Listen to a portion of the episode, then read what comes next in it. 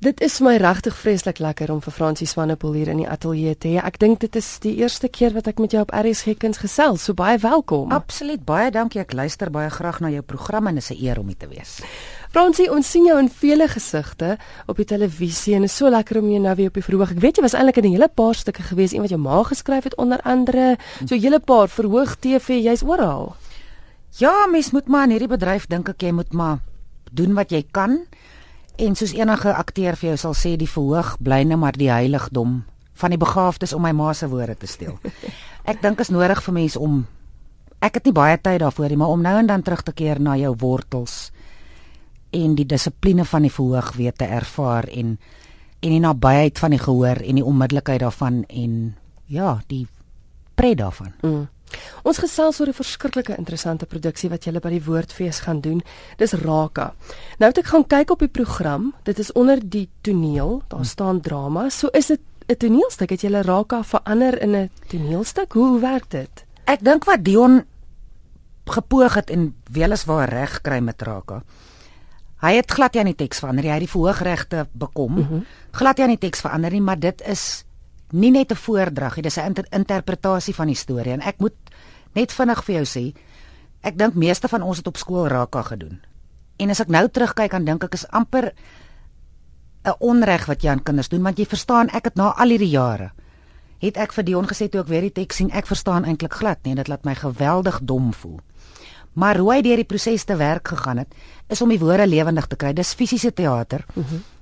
Dis ek en Niels van Jaarsveld op die verhoog met die voordrag maar dit is meer in 'n storie vertel styl. Ons het daar's 'n groot lap waaronder daar twee dansers beweeg wat vir jou berge skep en poele waarin Raka sal swem en as kookie deur die grasvelde stap. So visueel is daar ook iets vir die gehoor. Ja. En dan hopelik kan hulle die storie verstaan. Ek dink die belangrikste is wat Dion hier reg gekry het is om te sorg dat ons die storie verstaan.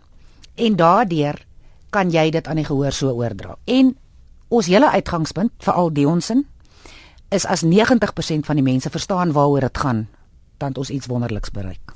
Jy praat nou van op skool, almal ken Raka, maar weet jy, ek ek het selfs vanoggend het ek my groot verseboek gaan uithaal en daar's twee dele van Raka in. Dis bitter min dat jy op op skool, jy sien deeltjies daarvan. Ja. Jy hoor deeltjies daarvan. Doen julle die hele een? Ons doen die hele een van die begin tot die einde. En ek moet sê ek het nog nooit so gestres in my hele lewe nie. Ek dink akteurs raak lui want ons is gewoond aan sepie tekste of drama tekste en veral as jy 'n goeie geheue het, dan leer jy woorde baie vinnig. Raka is in rym geskryf. En dis baie woorde. Dis baie woorde en die rym is op so 'n manier as jy sê hy het gestaan, dan weet jy dit gaan iewers oor in gegaan, maar gegaan gaan na die bos. So jy kan nie die jy kan nie op die rym staat maak nie. En dit is wat van Wyklou so ongelooflik goed gedoen het. Maar dis 'n moeilike taak. Ek is ek is bly jy noem van die twee dansers want ek het vroeër vanoggend toe ek daar deur lees te dink ek want ekskuus ek het die idee gehad dis 'n dialoog dis dis julle twee akteurs wat wat die storie uitspeel. Dis ontsettend beeldend geskryf. Die omgewing word verduidelik en is so lekker om nou te weet dat dit word wel uitgebeeld dit, om daai storie te te skep. Ja, dit word lewendig op die verhoog. Met ons wat ons stemme en lywe gebruik. Ek dink Niels beweeg meer. Ek dink ons maak meer staat op my voordrag. Maar weer eens, dit is nie voordrag soos wat jy uit die groot verse boek 'n uh, stuk gaan opsê uitraak uit nie. Dis regtig 'n vertelling en dit is ja, dis om die woorde lewendig te maak en laat mense 'n geheel beeld kry van die storie van Raka wat ook baie interessant is. Hmm. Hy praat dikwels van die groot dier en die swart dier. En dit vat 'n baie lang tyd om te besef dat hy van die donkerte in onsself praat. Dis die donker raka en kokie is die donker en die lig. Mm -hmm. En as mens die stuk goed ken of verstaan dan is dit dis eintlik 'n wêreldbeskouing waar mense hierdie donkerte omhels. Ons mm. is maar almal geneig om voor die donker te buig. Mm. Baie relevant. Absoluut. Fransie die besluit om Raka te doen. Ek is baie bly julle doen en ek is so bly dis die hele een dat mense uiteindelik kan verstaan waaroor dit gaan. Hmm. Hoekom het julle besluit om dit te doen? Dis die ons passie projek.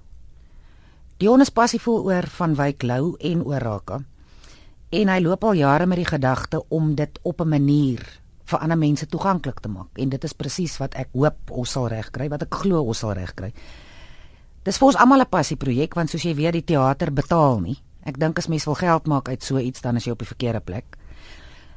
Ek was skrikkerig aan die begin, ek dink ons almal was totdat Dion hierdie ding begin uitspeel het. Mm. En ek kan sê na 'n maand se repetisie kan ons ek en Niels beide en die dansers kan ons deel in daai passie.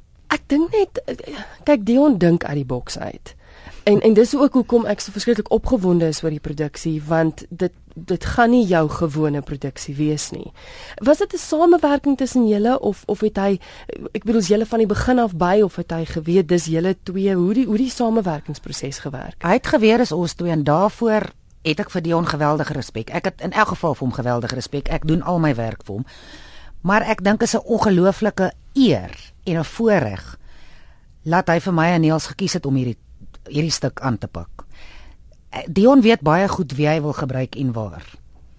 En om hierdie aan ons toe te vertrou is, jog, dit is dis 'n groot taak, maar al wat ek kan sê is ons op die verhoog klim dan gaan ons presies weet wat ons doen en ons gaan deel in daai passie en ons gaan hopelik die gehoor daarmee mesmerise.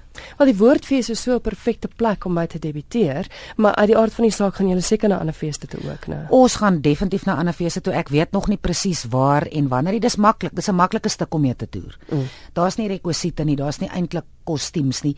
Die beligting is belangrik en natuurlik die fenominale Janine Netling wat sorg vir die musiek. Ek wou nou net vir jou gevra het of daar musiek is in die seker van Janine. Daar's musiek. Ek meen hierdie hele mood word geskep. Die klanke van die bos, die klanke van die water, die die dromme wat speel van hierdie hierdie mense in die kraal van die stammense.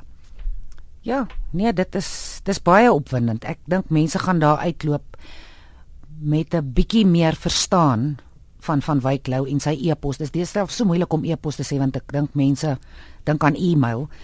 Maar hierdie uh, epic is eintlik die regte woord en mense gaan daar uitloop en hulle gaan uh, hulle gaan iets aan hulle harte voel. Dit sou iets geroer het.